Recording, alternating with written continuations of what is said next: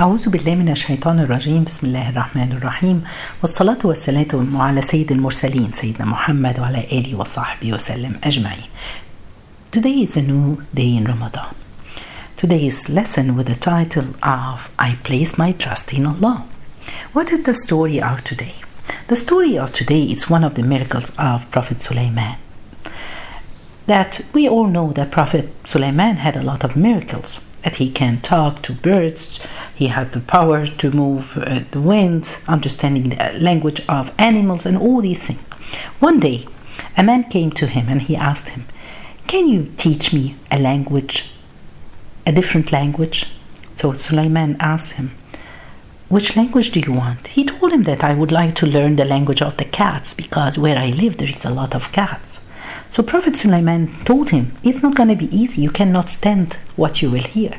He said, No, please. And he started to beg Sulaiman to teach him the language of cats. So Prophet Sulaiman uh, uh, blew in his ears and he started to understand the language of cats. And one day, this man, he heard two cats talking. A cat was asking the first one, I'm hungry. Do you have any food? So the cat told her, No, we don't have. But here, and she pointed the cat to the house where this guy used to live. But in this house, a rooster, they have a rooster, and tomorrow this rooster will die.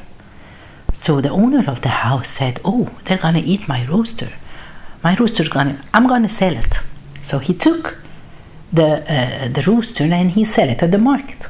Then the next day the cat came did the rooster die? So she told her, No, the owner sold it. But you know what? Tomorrow they have a sheep, and the sheep will die. So she said, Okay, I'll come tomorrow. So the man heard this, and he took the sheep to the market and he sold it.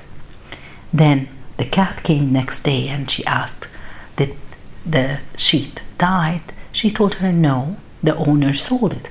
But you know what? The owner tomorrow will die and they will have a big walima for people to come.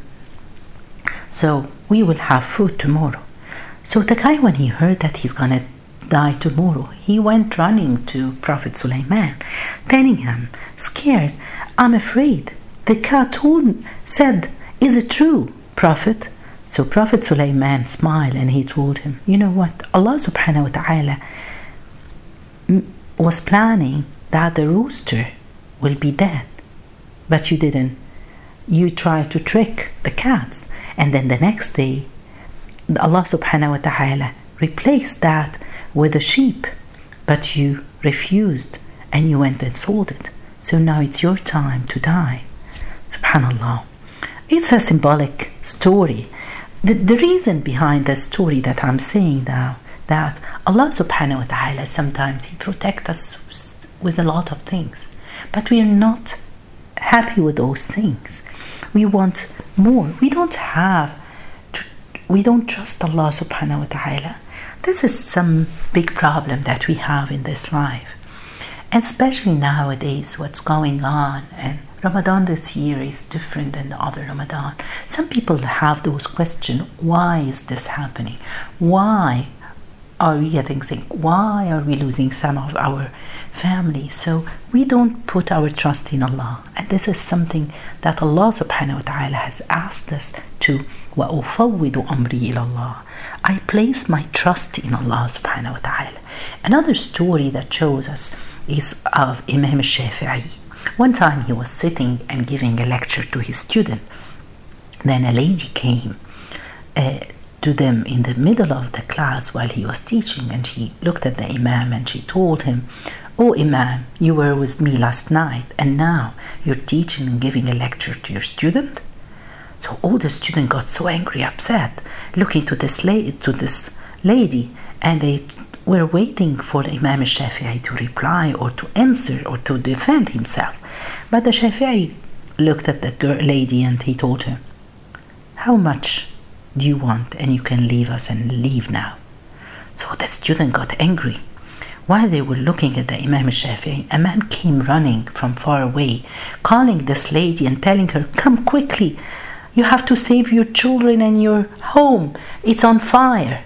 So she left running, and the Imam left running with the students. All of them they went. Imam Shafi'i went inside the home trying to save the, her children, and he picked them out, and the student put down the fire. After that, she thanked him and she looked to the Imam and she said, I'm so sorry. Some of the Jews, they wanted me to come and say this so your image in front of your student can be shaken so they don't trust you. So the student looked at Imam and they asked him, Why you didn't defend yourself? He said, Because I knew that if I'll defend myself, you will divide it into two groups. Some one group they will not trust me, and the other group they will start they will say, Okay, yes, we believe, but inside their hearts they still were hesitant. So I just sat and I made dua that I put or I place my trust in Allah and subhanallah Allah saved me. What I want to say here today guys that we as human beings sometimes we say that we rely on Allah and we trust Allah and we place our trust in Allah but it's not true. We shaken. We have some question. We say why is this happening or why it's me or all these questions that comes to our mind mind. One time, and a prince he bought a slave. The first night when he took him home, and then he asked him, "What do you want to eat?" So he told him, "You are my master. You give me whatever you want." Then he asked him, "Where do you want to sleep?" He told him, "You are my master. You let me sleep wherever you want." And then he asked him, "What do you want from for, from clothes?" He told him, you're my master, you give me whatever you want. Then this prince, he thought and he said, Subhanallah, if we are, we should be like this slave with Allah subhanahu wa ta'ala. We claim we are his slaves, but we don't do these things. A lot of our problem is that we don't place our trust in Allah. What we want to do, place your trust in Allah place your trust what that everything that happens to you or happen to all the people around you it's gonna be the best for us. Allah knows why this happening. Allah knows what's good for us. We need to be patient on whatever allah gives us. Even the troubles or the problem we know and we rely on allah and we trust allah subhanahu wa ta'ala. May allah subhanahu wa ta'ala accept all our good deed. May Allah subhanahu wa ta'ala make us from those who trust and put their trust in Allah. جزاكم الله خير سبحانك اللهم بحمدك أشهد أن لا إله إلا أنت استغفرك وأتوب إليك